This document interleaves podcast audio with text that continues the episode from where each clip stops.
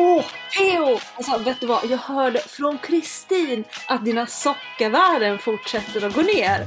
Men att din nya läkare ändå inte är nöjd. Alltså, börjar det inte bli dags för bootcamp med Silla 2022 månntro? Ah, det där låter lite jobbigt Silla.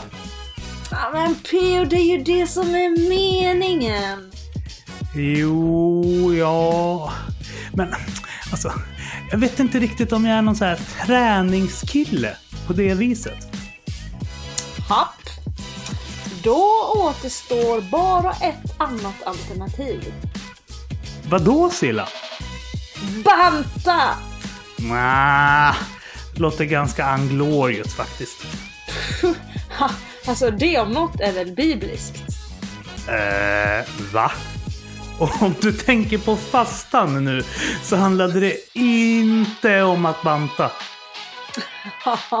Läs fjärde Mosebok kapitel 31 där Israeliterna fick Guds hjälp när de i likhet med dig behövde gå ut i strid mot Midjan.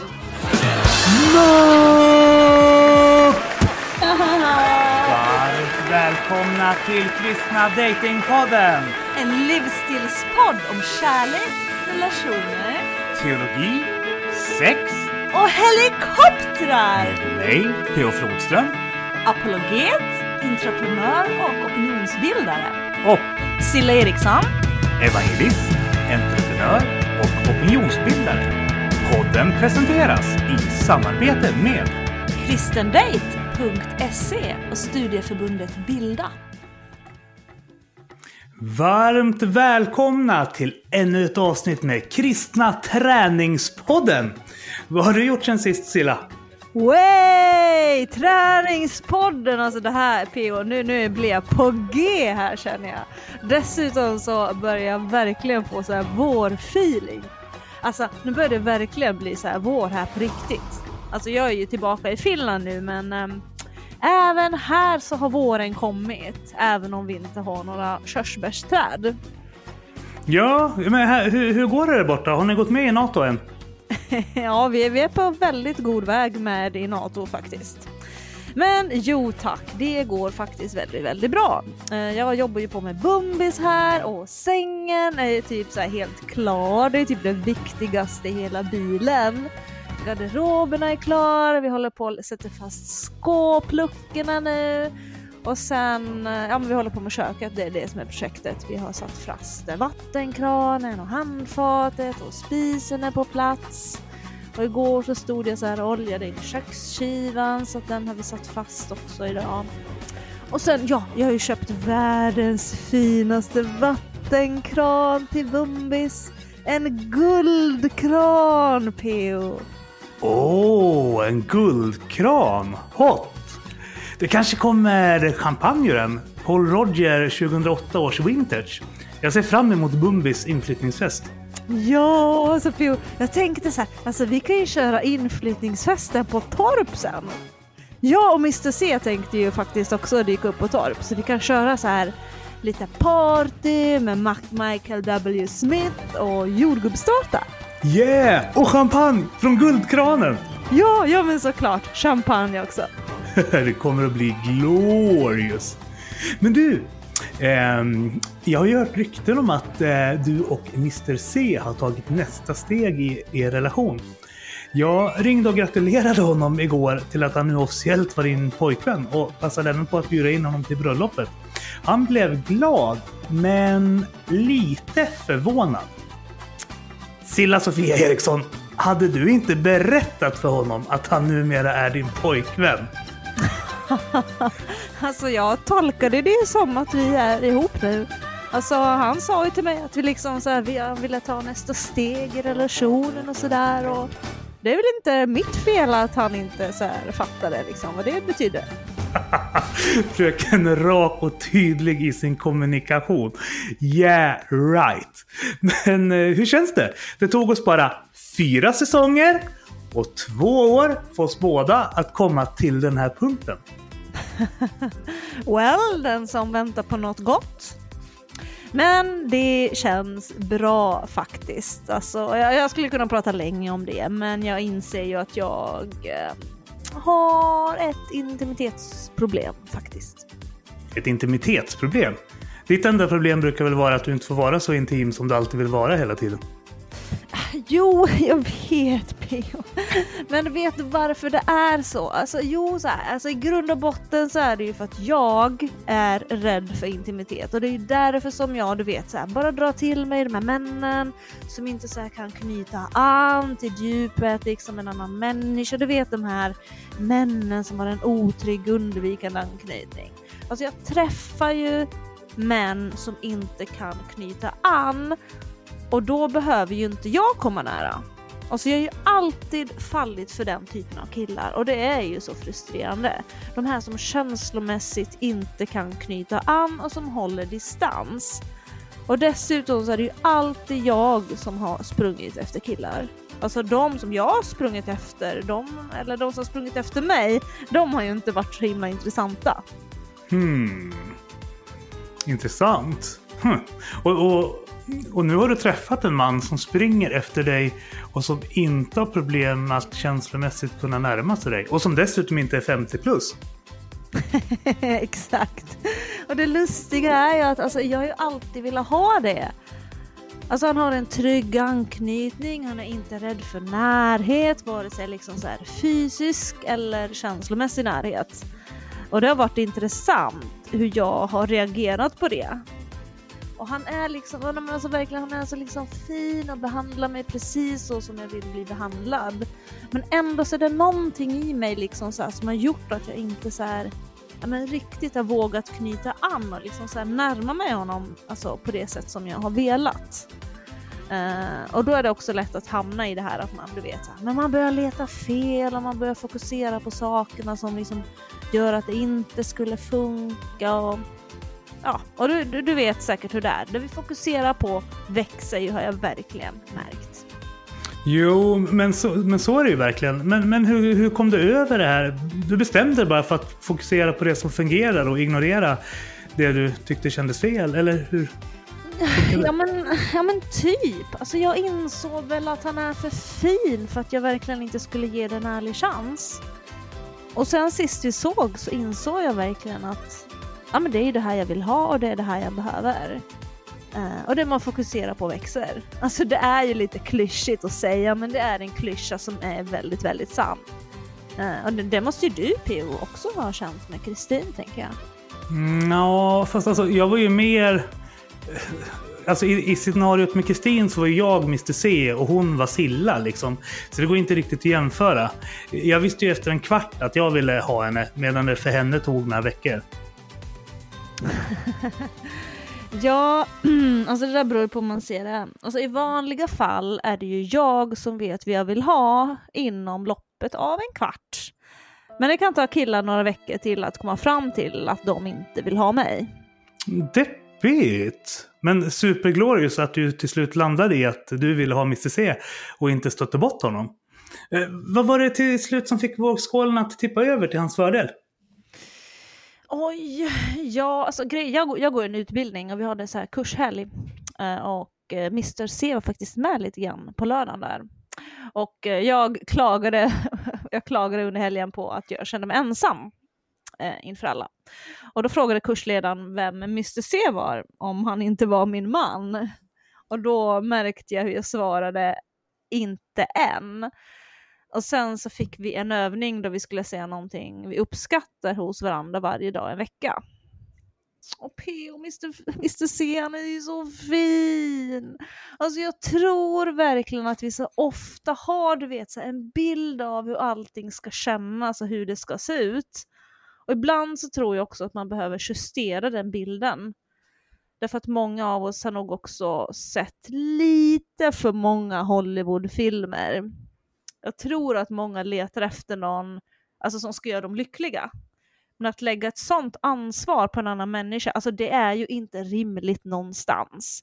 Alltså jag tror så här, bäst förutsättningar för att lyckas med en relation, det tror jag att kommer om båda parter liksom befinner sig på en plats i livet där man är liksom hela och lyckliga i sig själva.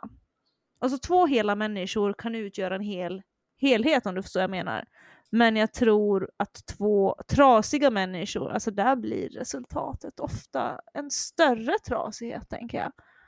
Mm, jo. Alltså, jag, jag håller med dig om, eller jag tror också att många är lite verklighetsfrånvända när det kommer till relationer och att eh, media och press skapar orealistiska förväntningar både på vad, vad, vad kärlek är i ett längre perspektiv.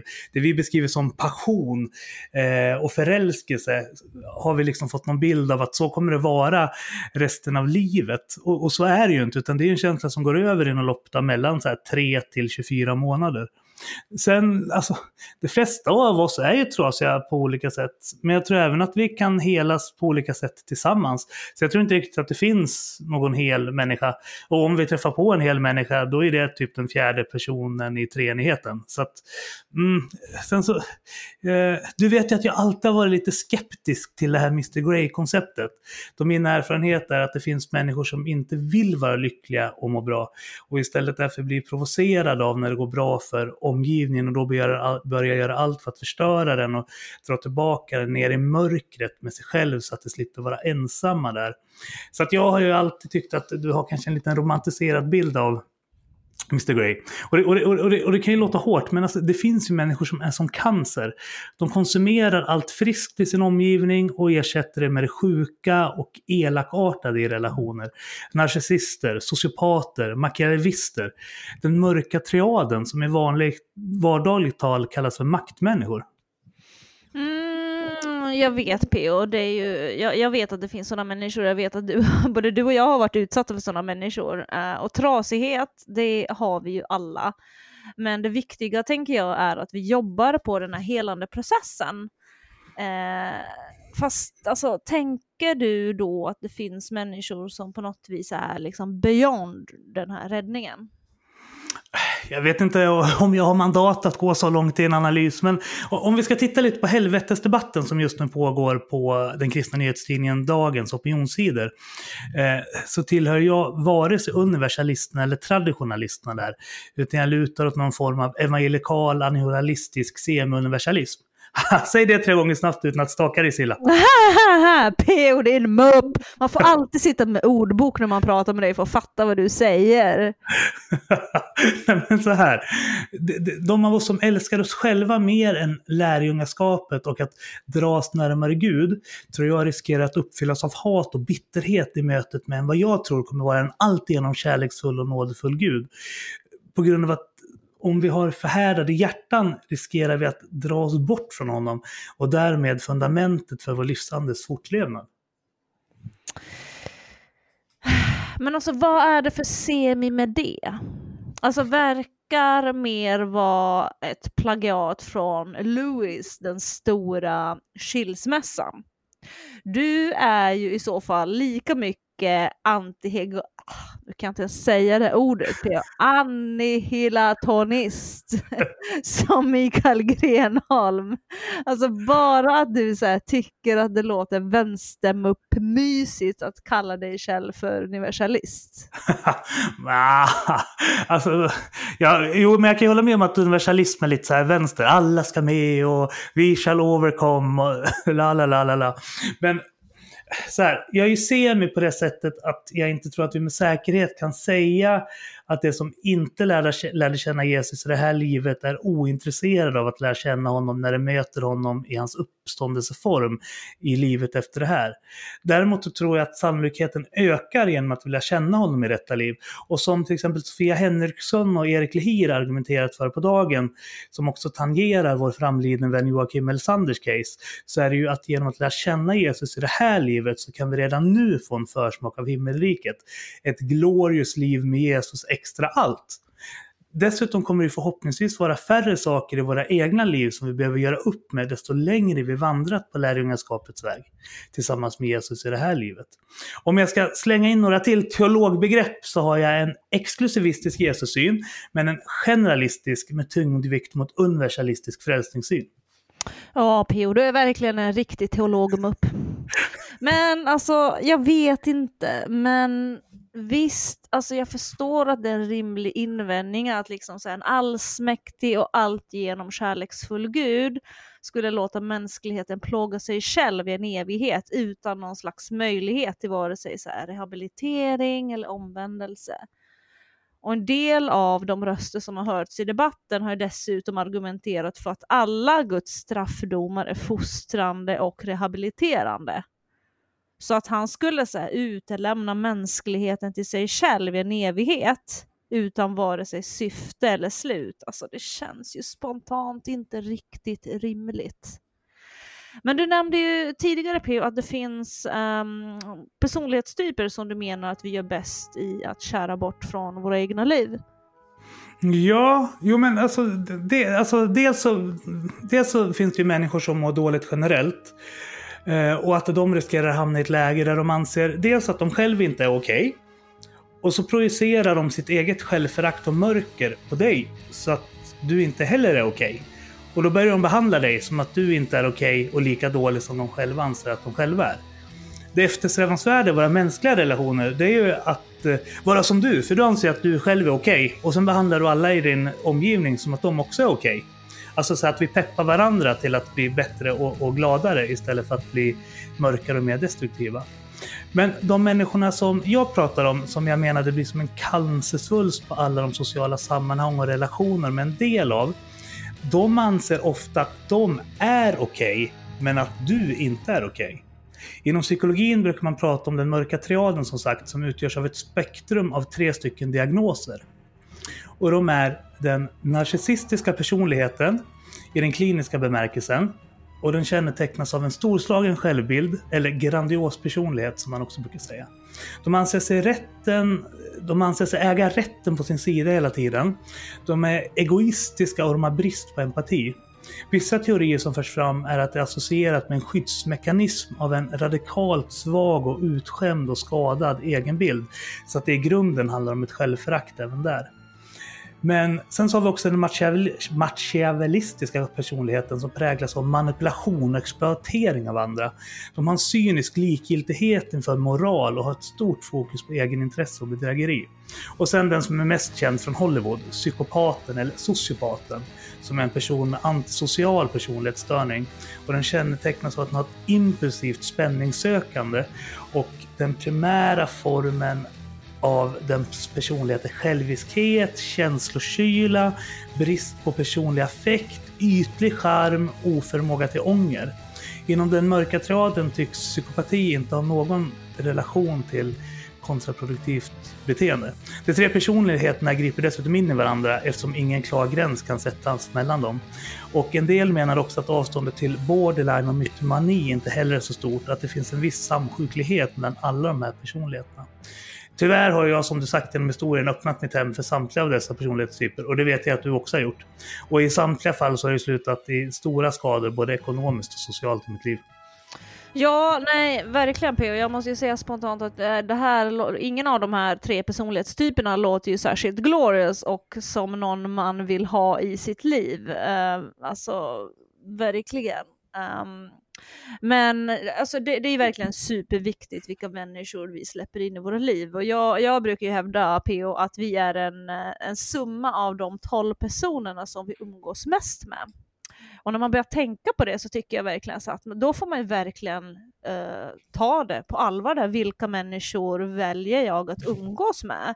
För att det påverkar vår uppfattning kring normalitet men också vår etik och vår moral och vad vi blir, vem vi blir. Alltså, vill du flyga som en örn, du kan inte hänga med en struts. ja men precis. Därför är det ännu viktigare att vi som församling förstår faran med att släppa in maktmänniskor i gemenskapen. Se, se, bara hur det gick i Knutby. I vår kristna identitet så ingår det att välkomna alla utifrån vetskapen om att vi alla både är syndare och rättfärdiga. Men framförallt församlingsledningar och de som står i en hederroll menar jag har ett särskilt ansvar att vara på sin vakt kring människor som likt tjuven om natten bara kom för att råna, bedra och söndra.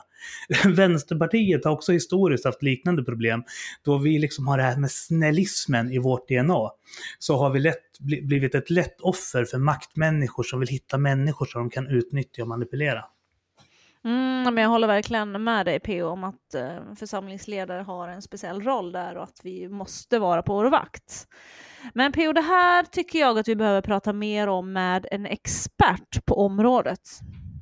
Definitivt. Um, vem ska vi ringa till? Vår kompis Johanna Holmdahl kanske? Eller Kristina Halldorf på dagen? Nej, alltså jag provade det där men hon kände inte riktigt att det var hennes ämne så att hon tipsade om någon ännu mera glorious. Vem då? Sin son Joel? ja, bättre upp. Författaren och den legitimerade psykoterapeuten Helene Westberg. Hon och eh, Fredrik Lignell har ju skrivit en uppföljare till Edin Lövås klassiker Maktmänniskan i församlingen. Men, åh, det, det låter ju helt perfekt. Uh, ringer du och kollar om hon vill vara med så kollar jag och lyssnarna in veckans låt under tiden. Absolut. Eh, veckans låt är ju inskickad av Stina Girdell och handlar ju faktiskt om hur det är i, döds, eh, i dödens skugga. finns ett levande hopp och om att eh, cancerresan som nu också mynnar ut i första singelsläppet Går inte du Uh, som är en soul-influerad poplåt där Stina funderar väldigt mycket över vad som är viktigast i, i livet. Och hittills har hennes musik mest kommit till användning i kör och församlingssammanhang. Men då ett cancerbesked våren 2020 ställde livet till ända så bestämde sig Stina faktiskt för att hon skulle göra någonting med sångerna. Uh, bara ett fåtal tidigare hade fått höra. Eh, så när helt plötsligt döden kanske lurade bakom hörnet så började hon liksom så fundera väldigt mycket på vad hennes liv eh, skulle lämna efter sig. Eh, så Stina berättar om hur hon så här, men upplever sig fått så mycket som hon ännu inte haft möjlighet att ge vidare. Och eh, många kan säkert också känna igen sig i Stinas källbild där hon först inte så riktigt tyckte att hon hade så mycket att komma med. Men sen så fick hon ett eh, gudstilltal, att liksom Mose hade staven i sin hand, så upplevde hon också att eh, Gud hade lagt ner musiken i henne. Ja, Mose är ju också en referenspunkt i låten som vi ska lyssna på. Där texten bygger på sammanhanget från andra Moseboken kapitel 33. Där Gud talar om för Mose att han inte tänker gå med Israels folk in i löfteslandet utan istället skicka en ängel framför dem. Varpå Mose responderar Men om inte du Gud går med så låt oss inte gå alls. Guds närvaro var viktigare än att nå deras livsdröm. Gemenskapen mer värdefull än slutmålet. Sången målar en bild av vad Gud betyder här och nu. Att han är lika viktig som luften vi andas. Att det är i hans närhet, i evighetens perspektiv, vi finner verklig frihet. Eh, Stina berättade hur hon uppskattat att få formulera sig mer och mer i skrift, då hon sällan känt att hon har så mycket att bidra med i spontana samtal. Men när hon nu har fått lite mera tid till att tänka efter och hitta rätt ord, så fanns det plötsligt massor som hon ville få sagt. Hon beskriver en trygghet som tron ger som en ovärderlig grund att stå på och som hon menar har burit henne genom hela cancerresan. Ja, Jesus är mitt levande hopp säger hon ju också. Eh, att hon lever om jag än dör och för mitt liv är i honom. Och med låten Går inte du så önskar hon också väcka en längtan hos lyssnaren. Alltså en längtan efter att just hoppet som växer i vandringen med Gud, det är bara där liksom. Och i den här gemenskapen med Gud, alla trons skatter finns också att hämta. Och där är det ju vi kan vila mitt i livets utmaningar. Trygg i att det faktiskt finns en hand som tar min, som bär när vi inte orkar och som leder oss rätt. Och bara vi vill följa honom. Och precis som Stina säger att menar, hur skulle jag överleva i den här trasiga världen utan det hopp som tron faktiskt ger? Utan att eh, få gå med Gud. Eller som hon sjunger i sången. Går inte du, går inte jag. Utan dig blir vägen vag.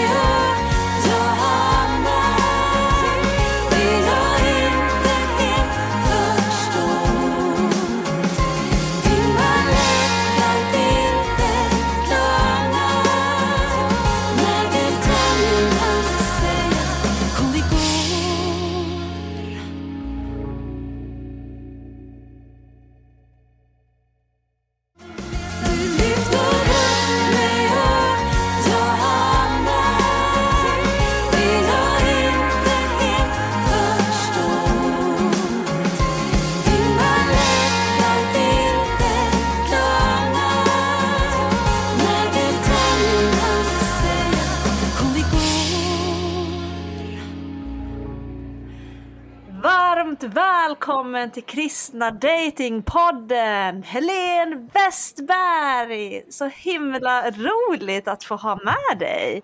Och för er som inte känner dig sen innan så kan jag bara lite kort nämna att Helene är legitimerad psykoterapeut och även författare med lång erfarenhet av att ja, möta människor i livets alla olika skeden. Yes, och hon är utbildad i både individualterapi och familjeterapi på Sankt Lukas i Stockholm samt i emotionellt fokuserad parterapi, så kallad EFT. Eh, hon har även en bakgrund som legitimerad specialistsjuksköterska inom barn och ungdomsmedicin med inriktning mot neuropsykiatriska funktionsvariabler. Hon har lång erfarenhet av klinisk handledning enskilt och i grupp, främst inom terapeutisk prak- praktik och chefer inom större organisationer. Ja men precis och sen också utöver hennes terapeutiska praktik så föreläser du ju faktiskt också om intrapsykiska processer och samspel samt familjeterapeutiska teman som exempelvis föräldraskap och även mitt favoritämne anknytning. Oj då, du visste om det.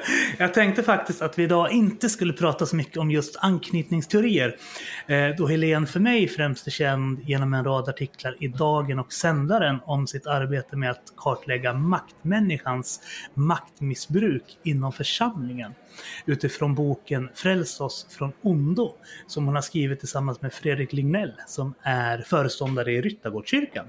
Ooh, alltså det låter ju faktiskt också väldigt, väldigt spännande måste jag säga. Och jag var ju faktiskt i Ryttargårdskyrkan bara för någon vecka sedan. Alltså en superfin kyrka, jag gillar verkligen den kyrkan. Ja visst är den! De har dessutom en egen minigolfbana och allting. What's not to love liksom? Ah, fast PO, det här med minigolf, alltså, jag vet inte riktigt vad jag tycker om det. Det, är ju liksom, det har ingenting med idrott att göra. Tacka vet jag skidor. Men Helen, är det någonting vi missade som du så här, tycker att vi så här, borde tillägga eller sådär? Ja, det var en gedigen inledning, men alltså möjligen då att jag undervisar i själavård och terapi i olika sammanhang. För det är också en viktig och rolig del av mitt arbete. Ja, men absolut. Själavård. Ja, det, det behöver vi mer av tror jag faktiskt, om jag ska vara helt ärlig, i våra kyrkor. Otroligt viktigt. Verkligen. Yes. Och ni som har följt Kristna Datingpodden länge vet ju att utöver att vi vill vara glorious och extra allt så vill vi även skapa en arena för att prata om sånt som vi känner inte kanske har ett naturligt utrymme när vi träffas kring kyrkfikat på söndagar i ungdomsgruppen eller på unga vuxna träffen och så. Alltså sånt som skaver och är smärtsamt och gör ont. Men som är en naturlig del av livet. Så det ser vi också fram väldigt mycket mot att få prata med dig Helena. Ja men verkligen.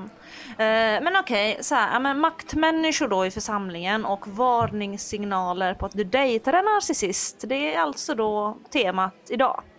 Och PO, jag har ju då funderat på en sak. Alltså du brukar ju ofta säga så här att vi både är offer och förövare i varandras liv.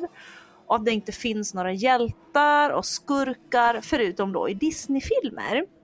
Innebär det då att vem som helst kan bli en maktmänniska? Och hur känner vi i så fall igen denna person?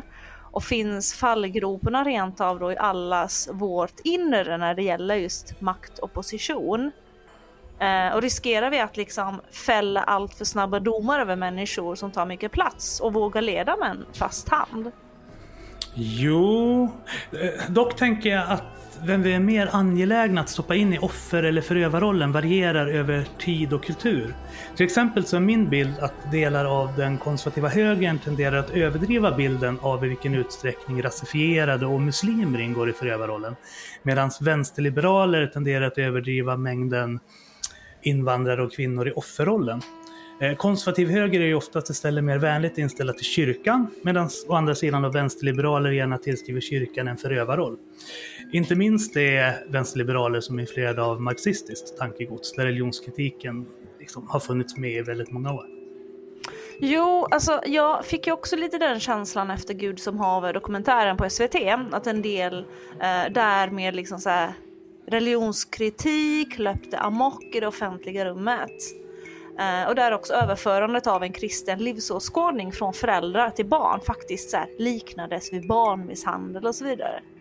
Ja, ja, men ett problem som jag ser det är att vi människor tenderar att vara väldigt binära i vårt sätt att betrakta världen ibland. Vi vill gärna rationalisera och förenkla så att det i likhet med just en Disneyfilm är lätt att snabbt identifiera det onda och det goda. Medan jag menar att verkligheten rör sig längs en gråskala. Men hur tänker du kring allt det här Helene? Alltså inledningsvis så måste vi nog slå fast att den kristna kyrkan på intet sätt är förskonad från maktmissbruk. Alltså det, det finns inga helgade hyddor, kanske snarare tvärtom, att ibland kanske är så att ett andligt språk och påståenden om Guds tilltal har skapat utrymme för den som vill ta kontroll och manipulera. Ehm, Vi ska komma ihåg att, att också Jesus talade ju om makt, men hur utövade han den? Vad säger det egentligen om hans maktutövning att de uppsatta kände sig hotade? Eh, De marginal- marginaliserade, de upplevde ju trygghet i hans närhet. Vad säger det om våra möjligheter att hjälpa människor till helande och upprättelse efter svåra övergrepp i familj, i kyrkan eller i våra arbetsliv? Och det är frågor som jag tänkte få prata med er två om idag. Spännande! Ja, verkligen. Jag håller helt med dig. Fast, alltså, det här är ju myspastorns favoritämne. Det känns verkligen som att han skulle uppskatta att få prata med Helen minst lika mycket som du och jag Silla. Ja, men PO, det har du helt rätt i.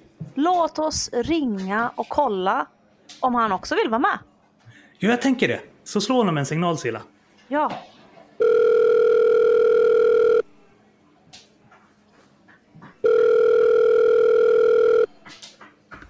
Ja, det är Andreas. Tja Andreas! Silla här! Du, jag och PO, det är så här att vi har ju Helene Westberg på tråden. Och vi tänkte snacka lite grann om maktmänniskor i församlingen. Och då kom vi såklart att tänka på dig. ja, tack, tack så jättemycket. Nej, men vad roligt. Knasboll. Det här är ju ditt och POs gemensamma passionsintresse. Alltså ni två pratar ju om det här jämt och ständigt. Så jag tänkte att ni båda säkert skulle få ett riktigt liksom så här lystmöte ikväll.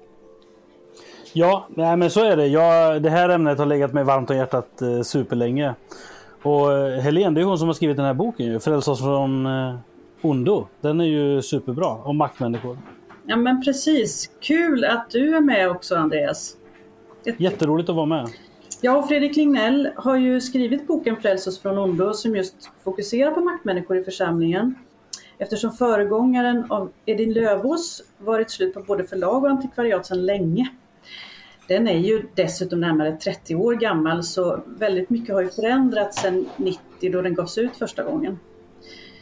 Eh, Och jag tycker det här Eh, är en jätteviktigt att prata om för att jag upplever att det finns en väldig naivitet kring makt i kyrkliga sammanhang generellt. Traditionellt så har ju kyrkan fokuserat på sexmoral och på senare år på pengar. Eh, En del på konsumism och fördelningspolitik inte minst. Men kring just makt så finns det fortfarande ett rätt stort mått av naivitet tycker jag. Så jag tänker bland annat på de här nyheterna som med ojämna mellanrum möter oss om hur profilerade kristna ledare inte kan vara kvar i tjänst på grund av haverier av olika slag.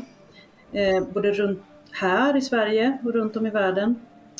Eh, vi hör om berättelser om sexuell omoral men också om liv i den absoluta gräddan av kändisar, pengar, berömmelse.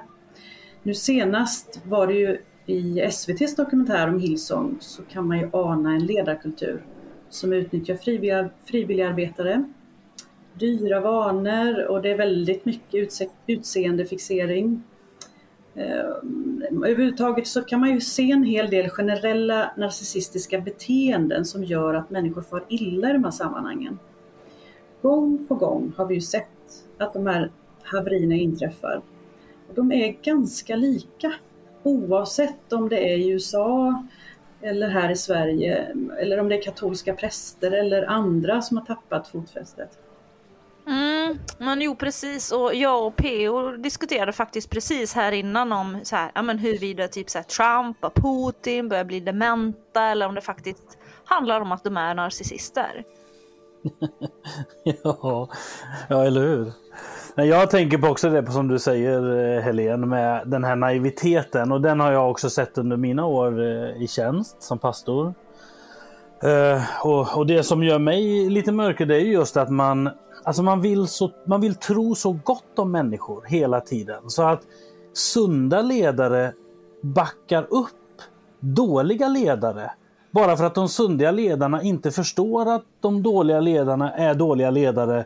Och så blir det en ond cirkel för att de som blir drabbade lyssnas inte på, vare sig av de dåliga ledarna förstås, men inte heller av de sunda ledarna för att de tänker att ja fast vadå, det här är ju en pastor som är i tjänst för Gud. Den måste ju vara bra.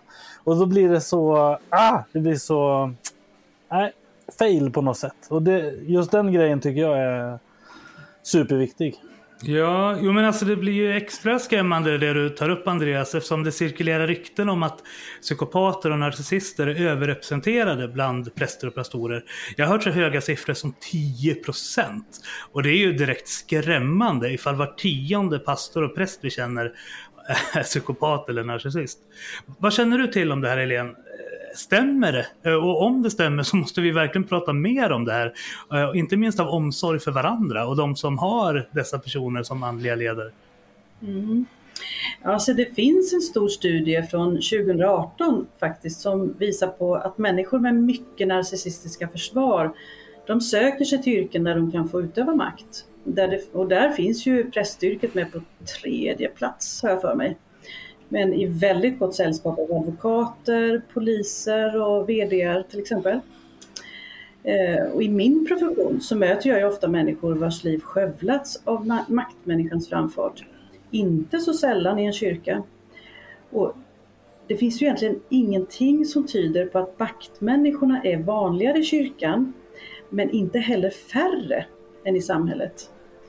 Eh, Skillnaden är ju att maktövergrepp i Guds namn riskerar ju att såra extra djupt. Men om Jesu liv är marinerat i tjänande och utgivande, hur kan det då komma sig att de här makthaverierna ständigt uppstår i vår kristna kyrka? Alltså, en viktig fråga att ställa sig när en ledare visat sig ha svårt att hantera makt, det är om han är stark eller svag. Alltså gång på gång så hör vi människor säga så här, till exempel organisationen orkade inte med en så stark ledare. Alltså det säger man som ett obestridligt faktum. Men frågan är om det stämmer. Vi menar ju i våran bok att en ledares obearbetade inre snarare är det som driver fram ett allt mer narcissistiskt beteende. Mm, och det, det, är ju lite intressant ändå. Så att gå omkring så här med massa liksom obearbetade sår. Att det faktiskt ökar då risken för att själv hamna i narcissis narcissistiska beteendemönster. Ja, alltså det, det beror ju på vilka de såren är kan man säga. Eh, narcissismens kärna är att till varje pris upprätthålla bilden av sig själv som god, unik och grandios. Och genom att då använda sig av andra människors kärlek, sårbarhet, lojalitet, kanske beundran. Eh, man loggar upp på andra människors karriärer och deras rykte så upprätthåller narcissisten den här liksom grandiosa bilden av sig själv som då inte är deras verkliga jag. Och det kan ju låta mysko pysko men det är lite så här psykologsnack. Eh, alltså för narcissisten är offentligheten, alltså rollen, ytan är allt. Mycket av det bottnar då i en ständigt närvarande skam som man inte vill vara i kontakt med. Alltså man kompenserar för sin inre osäkerhet med, med de här yttre attributen som jag pratat om och så får i den flykten aldrig riktigt syn på sig själv i någon verklig mening. Hmm. Det låter lite som det här gamla ordspråket om att tomma tunnlar skramlar mest. Att den som är trasig och tom inombords eh, hörs, hörs mycket. Ja, det håller jag med om PO. Och, och det du säger Lena, eh, att eh, man ser ju gång på gång, alltså det finns ju exempel på hur pastorer har, har skrivit böcker om eh, äktenskap och såna här grejer och sen så hamnar de själva i en äktenskapskris och, och blir otrogna och, och sådär. Och människor som verkligen har hållit upp en yta av någonting och det tror jag gäller narcissisten och det gäller andra olika synder också om man tänker andra områden där man just håller upp den här ytan av vem man är. Så, och då håller man upp den till varje pris och när det inte finns något kvar att hålla upp, ja då faller man riktigt, riktigt hårt alltså. Fast en narcissist kanske aldrig faller för att den tänker själv aldrig att den har fallit. Jag vet inte riktigt. Ja, ja okej. Okay. Men så här då hur vet man då om man är narcissist eller om man bara så här har en väldigt extrovert personlighet? För det har ju både du och jag P.O. Kommer du inte ihåg så här, sist vi drack champagne? Och så kom vi ju fram till så här att både du och jag har ju faktiskt drag som skulle kunna uppfattas som narcissistiska. Då vi liksom båda gillar ju faktiskt att höras och synas. Alltså du och jag P.O. är ju inte de som tackar nej om någon erbjuder oss en plattform. Ja, men alltså alla har ju narcissistiska drag. Det, det, är bra, vi behöver ett visst mått av självkärlek för att kunna fungera. Men man behöver ju vaka på att den inte dominerar i alla samspel och relationer. Så att det övergår i att man utnyttjar andras känslor för sin egen vinnings skull hela tiden. Att det bara är den repertoaren man har. Liksom. Mm, ja, okej, okay, men alltså vad skulle du då säga så här ett bra tecken att hålla koll på för att så här, särskilja en extrovert person med så här, låg integritet från någon med narcissistiska drag? Andreas, du har ju läst väldigt mycket om det här med maktmänniskor i församlingsmiljö. Vad, vad, vad skulle du säga? Ja, jag tänker att en av grejerna är just det här att man alltid vill ha rätt man, man får inte ha fel för då faller ju bilden av perfektionen som man upprätthåller för sig själv som narcissist. Eh, och det, det, tänker jag är en sån här... Eh, om, om en person verkligen kan medvetet säga så här, alltså förlåt, det där var helt fel av mig. Jag, jag var inte alls... Eh, det var inte alls meningen. Ja, då är det troligtvis, om den gör det med en äkta, då är det troligtvis inte en narcissist. Men en narcissist kan be om förlåtelse men i så fall så är det ju för sin egen vinnings skull som den gör det. I regel. Mm. ja, lite... Ja.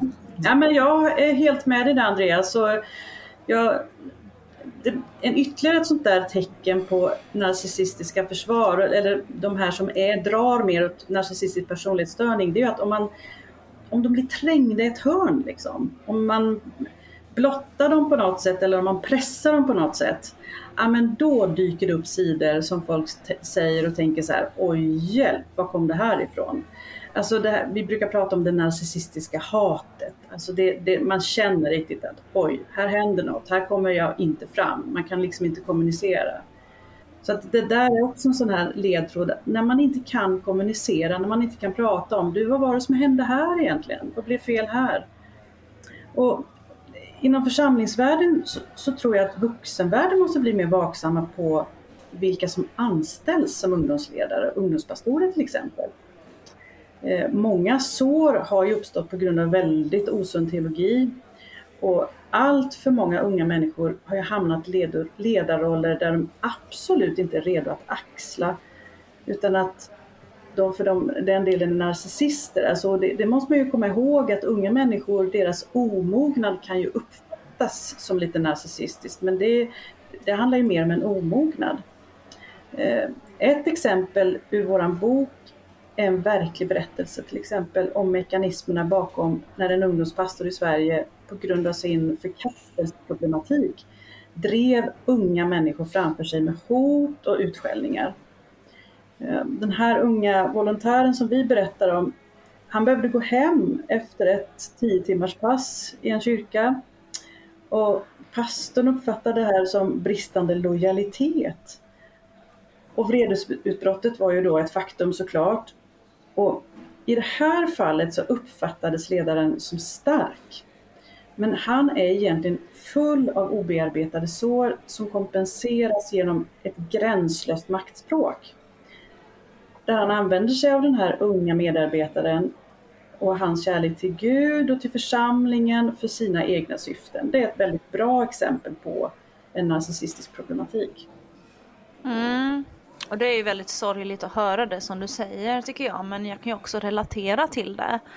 Eh, jag har ju haft så här profetkvinnor i mitt liv som har ringt och skrikit och varit liksom helt så här, ja men hysterisk eh, till mig om att så här, PO håller på att dra ner mig i helvetet och att han har så här smittat mig med demoner när de liksom så märkt att deras makt och inflytande över mitt liv har minskat. ja, jo, det kommer jag ihåg. Du slutade mm. prata med mig en hel vecka. Nej, inte så länge PO. Ja, Någon dag, en eller två dagar. Och det vill säga länge. Okej, det kändes som en vecka sedan. Ja. men, men, det var ju tur att jag hade myspastorn Andreas Skogholm på min sida och som kunde intyga att han inte hade identifierat några demoner hos mig. ja, jag kommer ihåg den, eh, den där stunden också. Nej, men jag intygar det fortfarande faktiskt. Faktiskt. Jag gör det. Jag gör det. Inga demoner hos Pio. ja, men makt korrumperar ju alltid. Och det verkar som att den dessutom tenderar att förblinda oss faktiskt. Så när vi känner att vi håller på att förlora den så tenderar vi kanske att höja temperaturen ytterligare några snäpp. Eh, och det här är ju inte minst känt från självmordssekter där ledarna drivit hela rörelsen i döden när deras herravälde är på väg att rasa samman. Det känner vi ju igen.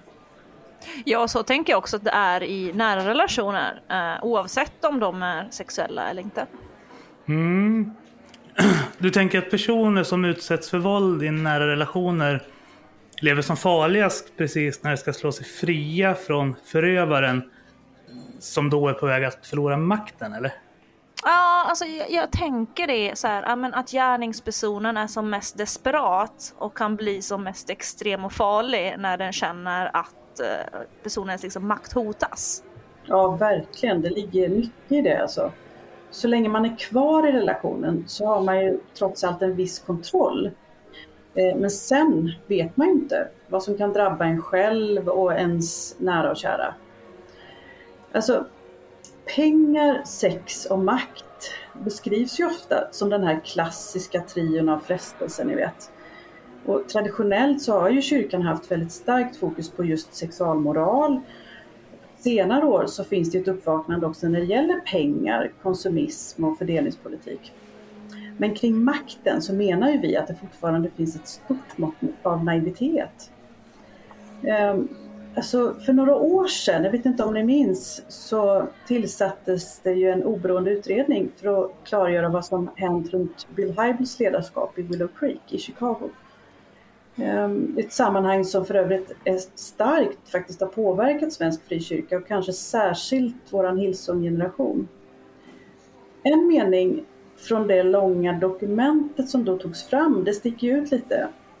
Ehm, det var, jag citerar, Eh, Bill Hybels ledarstil var beroende av makt, position och kändisskap. Någonting som också återkommer faktiskt i berättelsen om eh, Mark Driscoll och Mars Hill. Det är en skakande mening om en pastor faktiskt. Just de sakerna säger Jesus nej till i öknen när djävulen försöker få honom att gå en annan väg än korsets.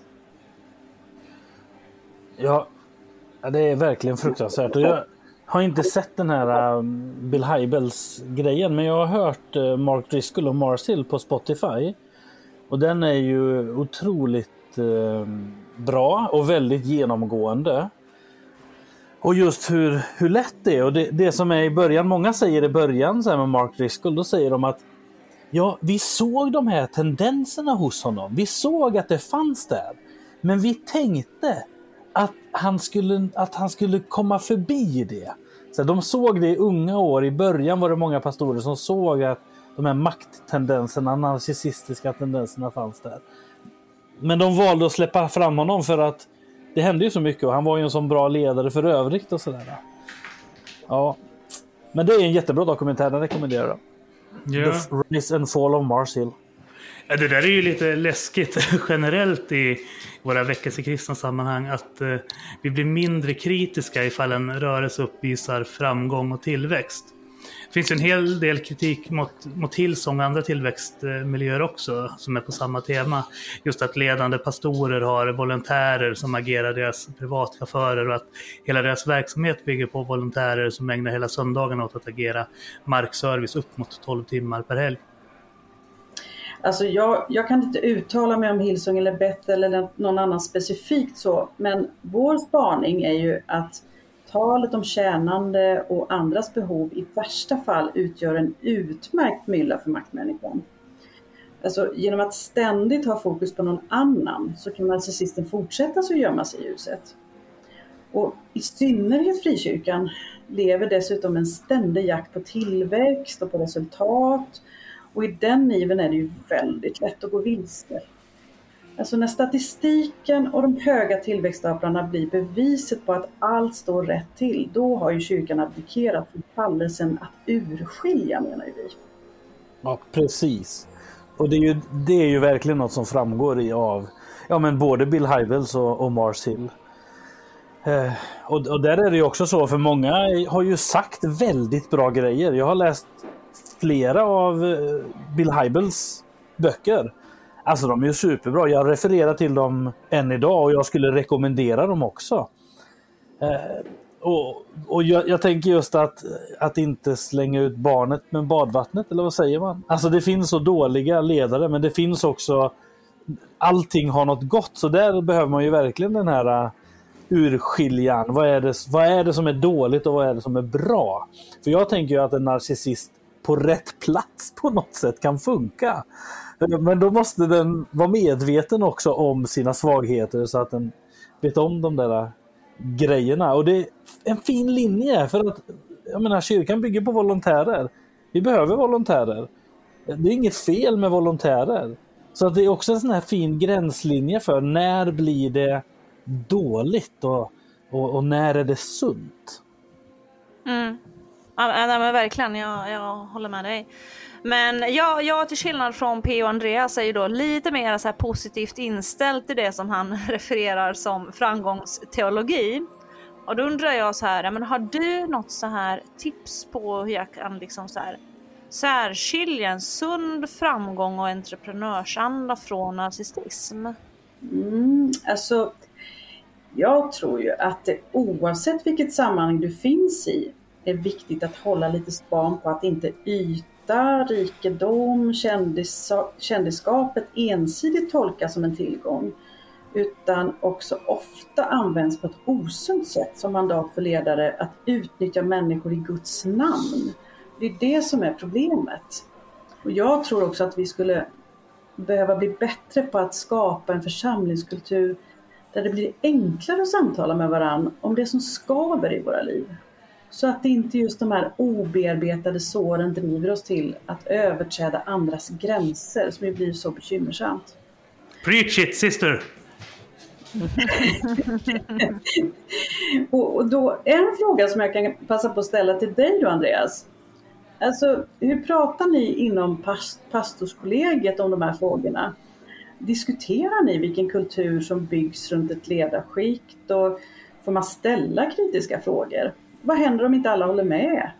Ehm, tycker du att det finns tendenser av att vara en kultur som hyllar ungdom och högt gasreglage men har problem med den som har erfarenhet och perspektiv? Alltså jag skulle vilja veta, eh, hur ser det ut när ni väljer ledare i församlingen? Finns det plats för Thomas Tvivlaren? Eller eh, hur har ni det? Ja, hur har vi det? Det är en bra fråga. Jag har, vi har, har varit några pastorer som har diskuterat de här frågorna och då har vi läst det finns ju gratis på internet 70 sidor tror jag från Edin Lövås bok som man kan få tag på eh, som ger en god översiktsbild. De, de har vi läst och sen så skulle man ju då läsa eran bok också till det, men det hanns inte med i den gången. Och då, men då märkte vi, då var det ju vissa, då fick vi igång det här samtalet och någon, någon i våran grupp eh, jag vet redan att det är en av mina svagheter att, eh, att råka eller att liksom komma in i narcissism. Så jag måste passa mig hela tiden. Men då var det någon annan som liksom bara, oh, jag känner igen mig i de här punkterna men, och jag vill ju inte hamna där. Och, och där fanns det ju verkligen ett gott klimat kring Ja, men nu vet du om det. Så här. Var väldigt försiktig så att du inte hamnar där.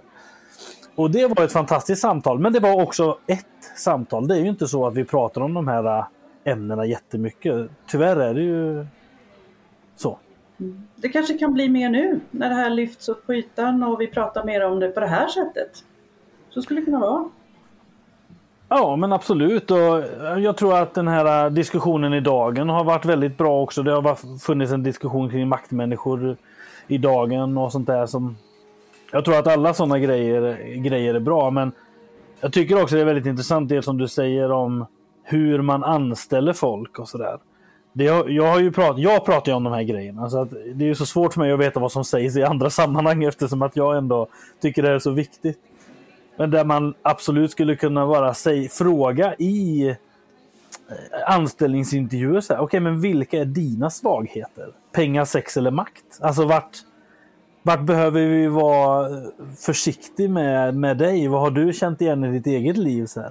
För alla människor har ju svagheter och det är ju inget konstigt. Och jag, där, där kan man, alltså, men jag, jag har de här grejerna, så här, det är ju ren omsorg för att människor inte ska falla. Så det tänker jag just den här Ja, men det är väl på något sätt att krossa bubblan, krossa, krossa den här skamsbubblan eller vad som finns kring det. Att ah, Jag får inte vara jag. Jag är väldigt öppen. Jag säger att ja, jag måste passa mig för att jag har maktmänniskor i släkten och jag vet vad jag har för mina gener och, och sådär. Att, att se det i sig själv gör ju att man också kan motverka sig själv. För då vet jag och folk runt omkring mig att, att jag bär på sådana tendenser. Och då kan jag också bli, bli stoppad. Så när folk vet om en svagheter och de svagheterna är i ljuset, då finns det ju en möjlighet också att motarbeta dem. Men alltså, jag håller verkligen med dig Andreas. Jag tror det är så, så otroligt viktigt att vi liksom lyfter upp de här sakerna i ljuset och att vi liksom vågar prata om dem. För det är ju inte förrän vi liksom faktiskt vågar öppna upp till ett samtal om saker som vi verkligen liksom också kan göra någonting åt det, tänker jag. Och jag tror också att det blir jätteviktigt att liksom be över det här, för jag menar alla så har vi någon, en så är det sex, makt eller pengar. Det är väldigt, väldigt många av oss som har något av det här som man strular med, mer eller mindre. Och jag tänker också att be över det blir otroligt viktigt, att det blir liksom ett vapen vi faktiskt har. Så den, den tror jag också att vi ska ja, det det. verkligen ta till. Mm.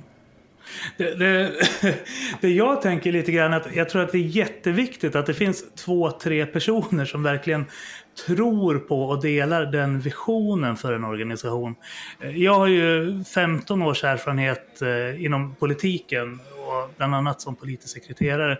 Och där finns det också de här, de här strukturerna av att människor eh, går över lik, som man brukar säga, för att eh, få, få makt och använder sig av olika sätt att trycka ner varandra för att få den. Och inom partivärlden så pratar vi ju jättemycket om det hur vi ska vara schyssta mot varandra och hur man ska undvika olika härskartekniker och så. Men jag kan säga att inom de delar av politiken där jag har varit verksam så har jag inte sett någon skillnad under de 15 år som jag har varit aktiv. Utan man pratar mycket om det här eh, med härskartekniker men man fortsätter att använda dem på mer eller mindre varenda medlemsmöte eller styrelsemöte som, finns inom organisationen. Så, så att eh, Andreas, jag tror att du har en viktig uppgift eftersom du verkligen brinner och har en passion och dessutom har en legitimitet och en plattform inom, inom pingströrelsen så att kunna hålla i och hålla ut framför allt. Mm. Ja, det kanske är så. Får se. Se vad framtiden bär med sig. Ja, och ett annat väldigt viktigt ämne som jag tror att vi också behöver prata mer om och som jag vet också att Helen har skrivit om är just uh, våld i nära relationer i församlingsmiljö och även sexuella övergrepp. Eh, och titeln på veckans avsnitt säger sanningen ska göra er fria och den kommer ju också från metoo-uppropet eh, för frikyrkan där faktiskt också många kvinnor inom rörelsen vittnade om att vi sannerligen inte är några helgade hyddor. Och Helene, du tar ju också upp ett sådant konkret exempel i din bok där du också pratar om Sara vars man faktiskt är ledare i den lokala församlingen. Men samtidigt så misshandlar han henne också i hemmet. Ja, alltså tyvärr så har jag under åren träffat på flera liknande berättelser som den om Sara. Eh, ofta så kommer ju de här kvinnorna för att prata om någonting helt annat Eh, ibland bara om, om ångest i största allmänhet. Men jag börjar ju känna igen mönstren i, i deras berättelser och efter en tid så börjar de bli så trygga så att man försiktigt kan närma sig de här frågorna om den här hemligheten som de i regel behåller för sig själva och bevarar väldigt väl. Det sitter väldigt långt inne att prata om de här sakerna oftast. Ja, det kan jag verkligen tänka mig. Jag har ingen erfarenhet av det fältet, men det jag vet är att det är mycket vanligare än man tror och det blir ju... Jag vet inte, en, eh, någon, någon, artikel i Dagen bara här, idag eller igår tror jag det var om, som lyfte just det här att det är så lätt att det blir ännu mer skamfullt i, man vill in, i de kristna eftersom att man har dygderna och hela det här att man ska leva helgat och hit och dit så att man vill inte man vill inte vara den som eh, outar en person eh, på något sätt. Så här. Nej, det här är verkligen eh, superviktigt. Och det här är ju verkligen för podden också. Alltså... Mm. Nej men verkligen, liksom. jag kan tänka mig att eftersom det är så skamfullt på något sätt och svårt att prata med kyrkan så är det också liksom att man behöver etablera tänka, en ganska lång relation med en person innan man liksom kommer så djupt att personen liksom vågar öppna upp och verkligen föra en dialog kring de här sakerna. Absolut, och i det här sammanhanget tycker jag att det också att det är viktigt att vi påminner oss om att alla uttryck för synd och ja, våra tillkortakommanden eh, som finns utanför församlingen finns ju såklart inom församlingen. Allt. Vi är liksom inte fredade, det finns inga fredade zoner på det sättet. Jo, jo, det är verkligen sant. Vi är ju inget museum för gamla helgon utan ett fältsjukhus för syndare. Även om jag vill tro att det i alla fall finns en gemensam överenskommelse kring vilka ideal vi vill försöka leva upp till och att det på något vis ändå kan bidra till en gemensam regelbok på ett annat vis än i en kultur som präglas av postmodern relativism. Vad menar du P.O.? Jo, men jag menar att vi ändå har någon överenskommelse om vad som är ett eftersträvansvärt uppförande, en code of conduct. Så. Sen lever inte alla efter den eller följer den, men den finns i alla fall till skillnad i ett samhälle som är helt värderelativt. Ja, och då är det svårare att också... Kritik ja, precis. Ja. Ja. ja, men det håller jag verkligen med om. Och jag tror att det är viktigt att, um, att, att lyfta de här, uh, de här grejerna och att vi inte är förskonade ifrån det. Jag har någon gång delat på uh, ungdomssamlingar och sånt där. så jag har delat ut med eh, incest. Eh, det finns ju olika organisationer. Det finns en organisation som vi har kontakt med och delat ut ett eh, flyer till alla ungdomar bara för att liksom så här. Någon kanske är med om det här. Det är ju fruktansvärt. Jag hoppas inte det.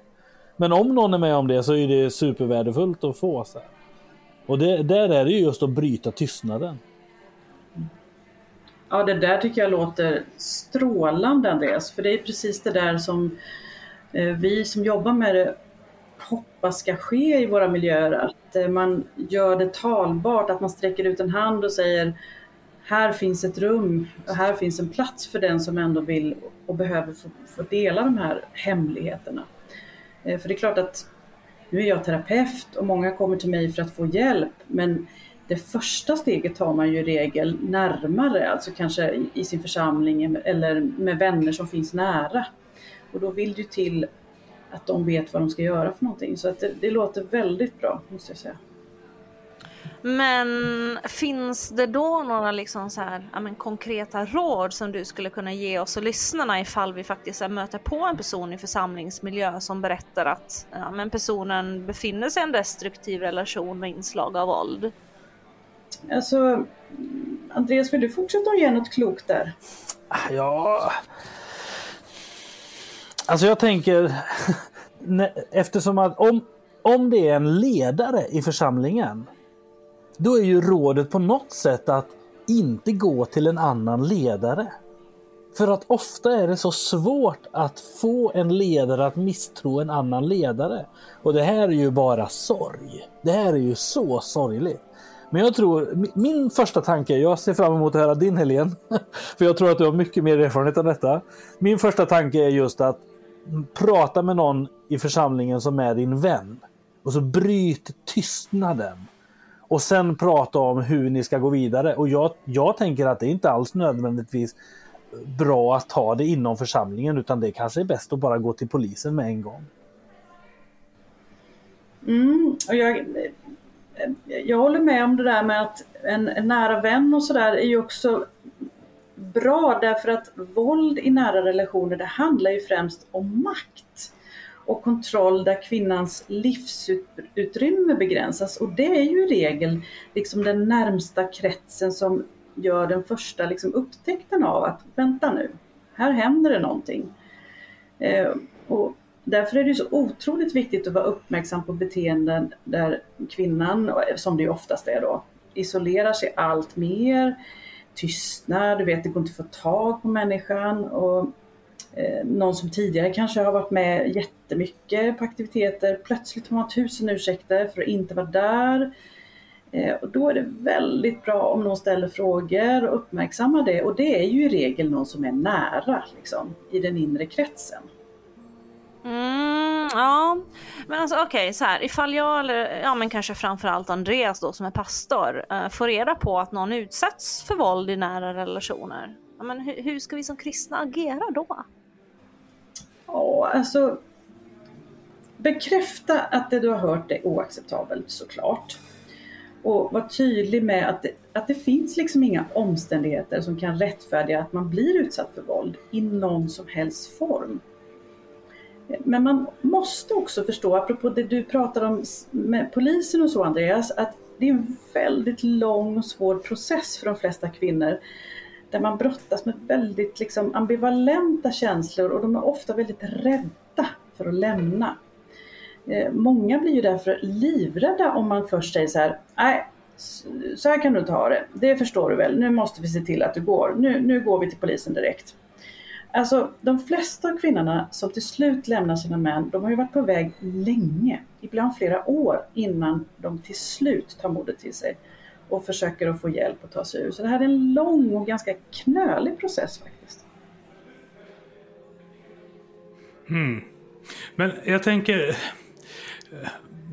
borde inte vi i egenskap av män då ta ett snack med mannen i fråga? Jag menar ifall vi vet att någon har ett beteendemönster som skadar både den själv och andra så säger Bibeln att vi först ska söka upp den enskilt. Om den inte lyssnar ska vi ta med två till tre vänner. Och ifall den inte lyssnar då så ska vi slutligen involvera hela församlingen. Eller ja, Paulus förespråkade det för 2000 år sedan i alla fall i en helt annan kultur, i en helt annan kontext. Ja, alltså, man får nog börja prata om det här med olika kontexter och så. För att min erfarenhet är att man absolut inte ska säga nu ska vi åka hem till er och så ska vi ha ett allvarligt snack med din man och sen ska vi se om vi inte kan lösa det här. Alltså, för det riskerar att leda till att situationen blir ännu värre. Många som är drabbade, de, de, är livrädda för att utsättas för ännu värre våld och större isolering när det här samtalet är över och pastorn eller vännerna eller vad det nu är lämnar huset.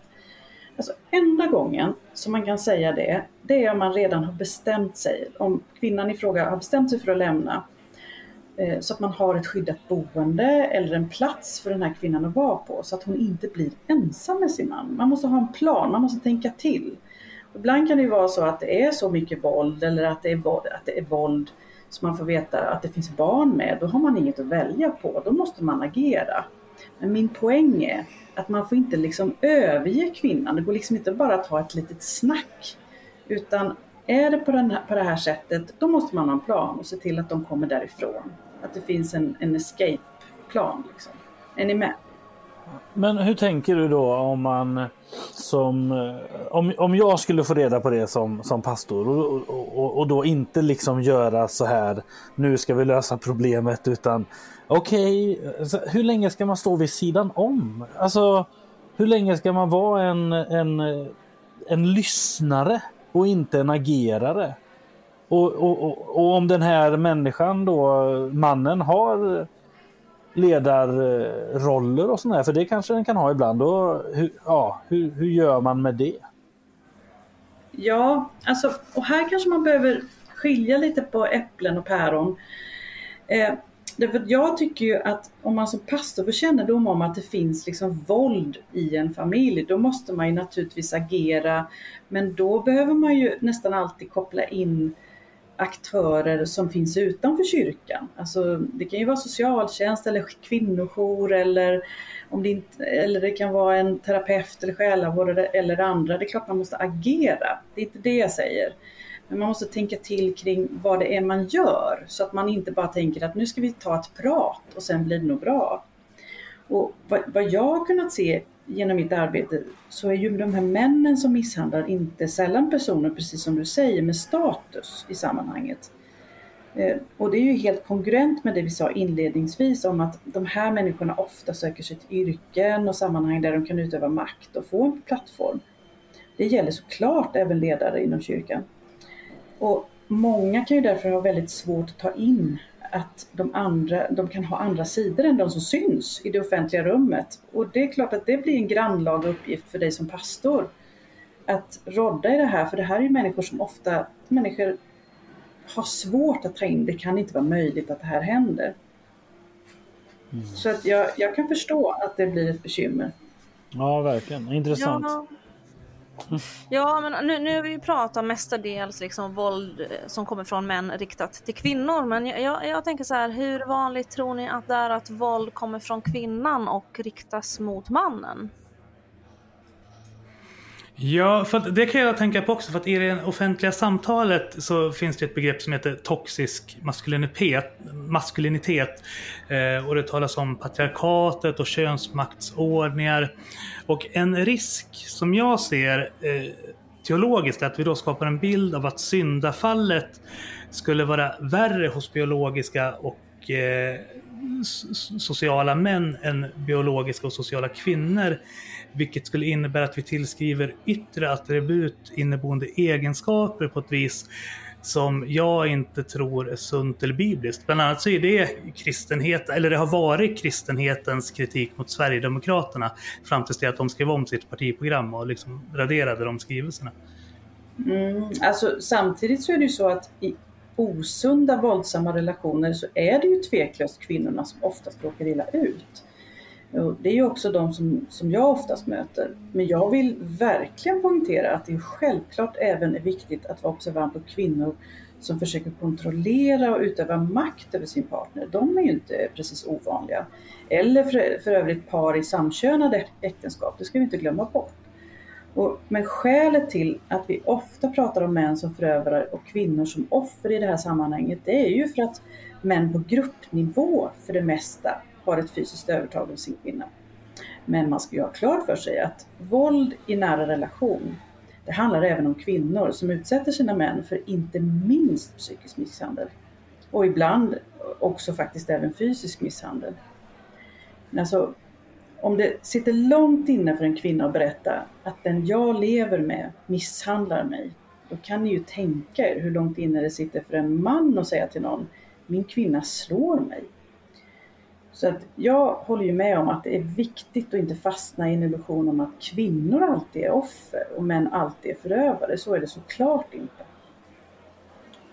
Det tänker jag också är att, vi, att på något sätt vi vet att det är så och det är viktigt att nämna. Och samtidigt så är det precis som du säger att de absolut främsta relationerna är att det är män som slår kvinnor. Men jag tänker att veta om det gör ju att när det kommer en man och säger jag blir psykiskt misshandlad av min fru. Då be behöver man inte skratta åt det utan då kan man också ta den på allvar. Alltså, ja, att det, att det blir den man vet om liksom så här. Och samtidigt så vet man också om att, att det är klart överrepresenterat. Men det är ju bara att ta Knutby-tragedin. Det var ju en kvinna som stod i toppen på den. Mm. Sant. Och, apropå en sak som jag skulle vilja passa på att ta upp med dig Andreas här i slutet av vårt samtal. Det är ju varför du tror att responsen på min och Fredriks bok från dina kollegor har varit så sval. Vad menar du?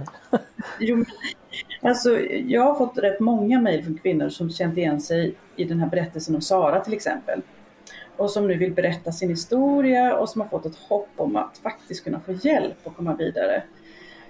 Men alltså pastorer, församlingar, eh, ja, de har däremot inte varit särskilt intresserade av just den här frågan och det har förvånat mig rätt mycket och, och väckt en hel del frågor i mig faktiskt. Eh, tycker du, tänker du att det är så mycket allmängods i det här och att det därför inte väcker reaktioner eller är vi så vana vid det? Alltså jag vet inte, vad, vad tänker du? Jag, jag, tycker det är ju supertråkigt att, eh, att det är väldigt, eh, att det är svalt. Eh, som ni upplever, om det nu är svalt då. Men eh, det litar jag ju på att du, vad du har hört liksom. jag tänker ju att alltså, den här boken, för min del, så ska, den här boken ska ju ingå i en, en pastor ska ha läst den innan man blir pastor helst. Och nu är det ju vi som lever som pastorer som inte nu har den kommit nu så då får man ju läsa den i efterhand. Jag tänker att det borde vara allmän gods. För att det här är så viktigt. Och, och det vet jag just att eh, ja, men många säger under den här debatten som har varit idag i tidningen Dagen, då har det varit väldigt så här att eh, eh, ja, men det finns så mycket större problem. Alltså, ja, fast en maktmänniska. Säg att Putin är maktmänniska. Ja, men en enda maktmänniska. En enda det räcker för en enda maktmänniska för att miljontals människor ska bli drabbade. Och det har vi ju sett genom historien hur mycket som helst. Och därför är det så enormt sorgligt att responsen är så sval. Och anledningen till det, det tror, jag tror att det har med naivitet att göra. Alltså att ledare vill inte se att det finns och man, man, man vill tro gott om andra ledare hela tiden. Och, och därför så, och man tror gott om sig själv också och tänker att nej, men det, det drabbar inte mig. Liksom. Och skulle jag vara med om det så skulle jag nog se igenom den människan. Men, men det gör ju folk inte. Man behöver ha den här, man behöver ha kött på benen och jag tror att man får det ifrån, ifrån eran bok. Så. Ja, pastorer jag vet inte om det är några singel, singelpastorer som lyssnar på det här, men läs boken i alla fall. Mm, nej men verkligen, det vill jag verkligen rekommendera er till att, att läsa boken. Verkligen, det är så viktiga ämnen. Och jag tycker också, jag sitter också och funderar så här, men varför är det så att den här boken inte har fått en uppmärksamhet från liksom ledare i, kyr, i, den, i, i kyrkor och samfund? Alltså det är ju egentligen ganska märkligt. Något spontant som jag liksom sitter och tänker på här är ju att det är ju fortfarande så att det är flera manliga ledare i våra kyrkor. De flesta, majoriteten av alla ledare är ju fortfarande manliga föreståndare. Mm. Kan det spela, spela roll, tänker jag? Har det varit lättare att ta upp den här frågan? Hade den här frågan fått mera uppmärksamhet om det var mera kvinnliga ledare i kyrkan och samfunden? Jag vet inte, men mm. jag tänker att det kanske hade kunnat vara lättare då. Jag, jag, vet inte jag, heller, jag vet inte jag heller. Däremot så jobbar jag inom en bransch som är väldigt kvinnodominerad. Det går nio kvinnor per kille. Eh, och ge- generellt så är min känsla att i alla gemenskaper, oavsett ifall det är en arbetsgemenskap i form av en arbetsplats eller en social gemenskap i form av en kompisgrupp eller en ideell förening eller vad det nu kan vara inom civilsamhället. Så vi, ingen vill vara partypooper. Alltså så här, vi, vi har så fullt upp kanske med, med våra egna liv oftast att vi inte orkar ta tag i sånt som, som skaver och är jobbigt utanför våran direkta närhet riktigt så. Plus att det kan anses lite fult att vara den här som liksom är Thomas Tvivlaren och, och pekar finger och, och tar upp makt, eh, maktstrukturer som kan vara destruktiva. Man vill inte uppfattas som en rättshaverist eller någon som gnäller och är negativ. Framförallt inte i situationer och miljöer som är kraftigt expansiva. Där jag, ifall jag har tolkat en del som Helena skrivit, dessutom att de här problemen kan riskera att vara störst. Men sen funderar jag också på, eh, upplever ni att vi som predikar och undervisar skulle behöva bli tydligare kring den här frågan? Jag kan räkna på en hand antalet gånger som predikan handlat om hur vi människor ska agera mot varandra i de nära relationerna. Oftast landar predikan i andra mer perifera relationer. Vänner eller kollegor, men kanske inte så mycket just i, i familjen så. Och jag, och jag funderar på ifall det kan vara en motreaktion mot en förkunnelse kanske då på 60 eller 70-talet, jag vet inte när det var, men där predikanterna kanske uppfattades la sig i församlingsmedlemmarnas privatliv på ett sätt som man uppfattade var integritetskränkande. Vad va, va, vad tror du, Andreas? Ja, det där är en ganska svår fråga för att det finns så otroligt många frågor som man skulle vilja predika om rent allmänt men tiden liksom finns inte till. Så jag skulle nog säga att det handlar om att, um, att vi har tappat det teologiska samtalet om sådana här spörsmål i, i församlingarna. Så förr i tiden då om, om man tar 30, 40, 50 då pratade man väldigt mycket om det här med att det inte var okej att dricka och alltså man hade sådana det fanns sådana här um, samtalet om det. Eller så här. Eh, och, och, och det samtalet om vad är det som är rätt och fel, hur bör vi kristna leva oss? Det är ju nästan helt dött i våra församlingar, vilket ju är väldigt, väldigt tragiskt. Eh, så jag, jag tänker att just eh, alltså, sådana här bitar tror jag man Ja, kanske i församlingsforum på något sätt där man där man får någon som säger någonting kick-off-aktigt och sen så kan man sitta ner och verkligen samtala om den här. För jag tror att i, samtalet så formar man varandra på något sätt. Det tror jag tar mycket mer i att lägga det just i prediko uppifrån, lev på det här sättet. Alltså just vad är det som verkligen förvandlar hjärtat? Eh, ja, li- ja, lite spridda tankar. Ja, alltså i mitt arbete så kommer ju det här med bibelsyn och bibelbruk upp rätt ofta faktiskt. Och, och min upplevelse är ju att det framför allt är män som tar till Gud till exempel när de känner att de har tappat sitt eget mandat i relationen. De kan säga att eh, Gud har sagt att du är min kvinna och, och då finns det vissa skyldigheter med det. Eh, kvinnorna är ju ofta också vuxna liksom med samma slags undervisning och samma retorik och det försvårar ju de här situationerna ytterligare. Det är, ju, alltså, det är inte ovanligt att jag hör kvinnor säga exempelvis jag vet ju att jag borde vara mer tillgänglig för sex, att det är vad Gud vill. Eh, alltså man har ju helt tappat bort frågan om själva poängen med att mötas i trygghet och glädje, i närhet och intimitet. Är ni med? Ja, alltså, jag, jag, ver- verkligen. Och jag, jag blir så ledsen av att höra det här, för det här är också en väldigt, väldigt ful härskarteknik som aldrig är okej, tänker jag, att använda på det sättet som du beskriver. Så jag, jag- alltså jag håller verkligen med dig och jag blir också så himla ledsen av att tänka på att det finns så väldigt många kristna bröder och systrar i församlingen som lider. Kanske helt i det tysta av rädsla för att liksom så här, ja, men fasaden inte ska upprätthållas inför oss andra. Och ifall att vi inte kan vara hela människor inför varandra och vara öppna med det som är sårigt och destruktivt. Alltså vad, vad är liksom då hela vitsen med att vara församlingen överhuvudtaget? Det blir ju alla liksom fina ord bara så här, men ett enda hyckleri liksom. Ja, jag håller verkligen med Silla. Jag, vi behöver våga visa våran svaghet eh, och dela den med varandra för att det är då det är när vi delar den och våran svaghet kommer i ljuset som vi kan jobba på den och, och läka. Det är då såren kan läka på något sätt. När man vågar erkänna det där som är dolt. Så att ja, jag tycker det, det är viktigt. Det är väldigt viktigt och det är jätte, jättesvårt. För det går ju inte att tvinga folk till att, att dela sina svagheter. Jag som predikant, jag delar ju mina svagheter i mina predikningar och säger alltså det här, den gången tvivlade jag eller den gången hade jag ingen tro eller den gången tänkte jag smutsiga tankar. Eller så. Och det, jag hoppas ju någonstans att det kan öppna upp för att man kan eh, vara svag i sig själv. Jag tänker väl att på något sätt så är det väl i de mindre grupperna, om man har hemgrupp eller husgrupper, att det är där på något sätt det här samtalet Eh, är möjligt.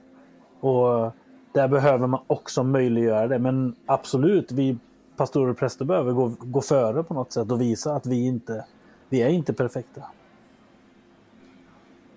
Alltså, min önskan är att, att kvinnor och män som lever i dysfunktionella relationer ska känna att det finns människor som kan ta emot deras berättelse utan att döma eller genast komma med en massa förslag på åtgärder. Ehm, ja, som till exempel, då ska vi be för det här eller då ska jag prata med honom eller henne så blir det nog bättre och, och ni vet, alltså relationer kräver arbete och det behöver förstås och hanteras varsamt över tid för att läka. Vi behöver ha tålamod med det, tålamod med varann i det.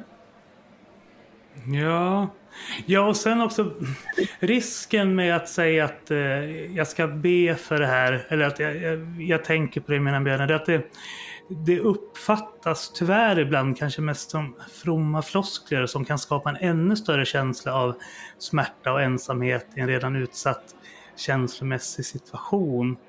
Eh, just eftersom frågan då också väcks inom personen att säga, men ifall flera ber för den här situationen och varför griper inte Gud in?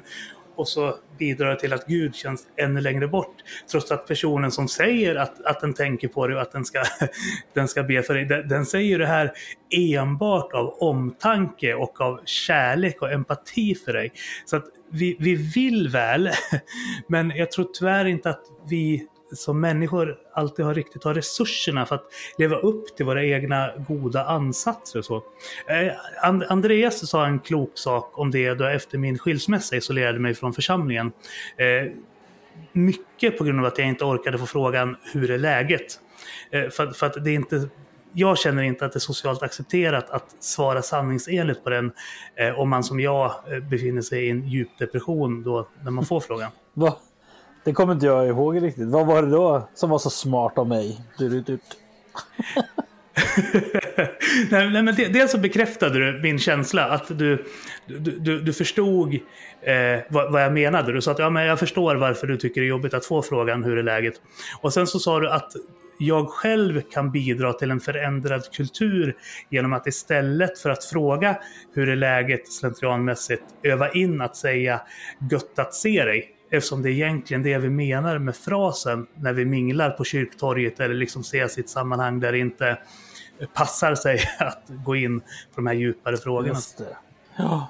ja, det kommer jag ihåg. Ja, det, var, det kommer faktiskt från en man, John Rosdahl heter han. Han är död nu. Han dog när han var 83-84 i Arboga. Han sa till mig, för jag frågade honom, ja, hej, hur är läget? Så här, och han bara, Andreas, man ska aldrig fråga en gammal man hur han mår. Han mår alltid dåligt. och då ja. försöka att försöka att liksom omdefiniera hur säger jag. Men jag märker ju alltså. Jag tänker ju på det, men åh vad lätt det är att säga hur mår du istället. Jag har fortfarande inte helt lärt mig detta. Att bara ställa frågan när jag verkligen vill veta. Det är svårt alltså. Ja, nej, jag, jag håller med dig. Men med det sagt så tror jag faktiskt att det börjar bli dags för oss att avrunda. Så vi vill tacka dig jättemycket Helene för att du gästade oss här på Kristna Datingpodden. Och ämnet du har tagit upp med oss så, och ämnet som du har tagit upp med oss är verkligen så himla viktigt. Så jag hoppas verkligen att fler pastorer än Andreas verkligen liksom tar sig tiden att kompetenshöja sig i den här frågan. Så med det kära vänner så vill jag och PO tacka er så himla mycket för att ni har lyssnat. Och jag måste säga att jag känner mig inte sådär superpussig och kramig idag. Jag vet inte vad du känner PO men jag tycker att, nej, jag vet inte riktigt om jag har feeling idag. Så istället för en puss och en kram så ska ni få numret till Kvinnofridslinjen som ger stöd till dig som har utsatts för våld och hot. Och ni når dem på 020 50 50 50. Alltså 020 50 50 50. Och ni som slår era partners, sluta med det!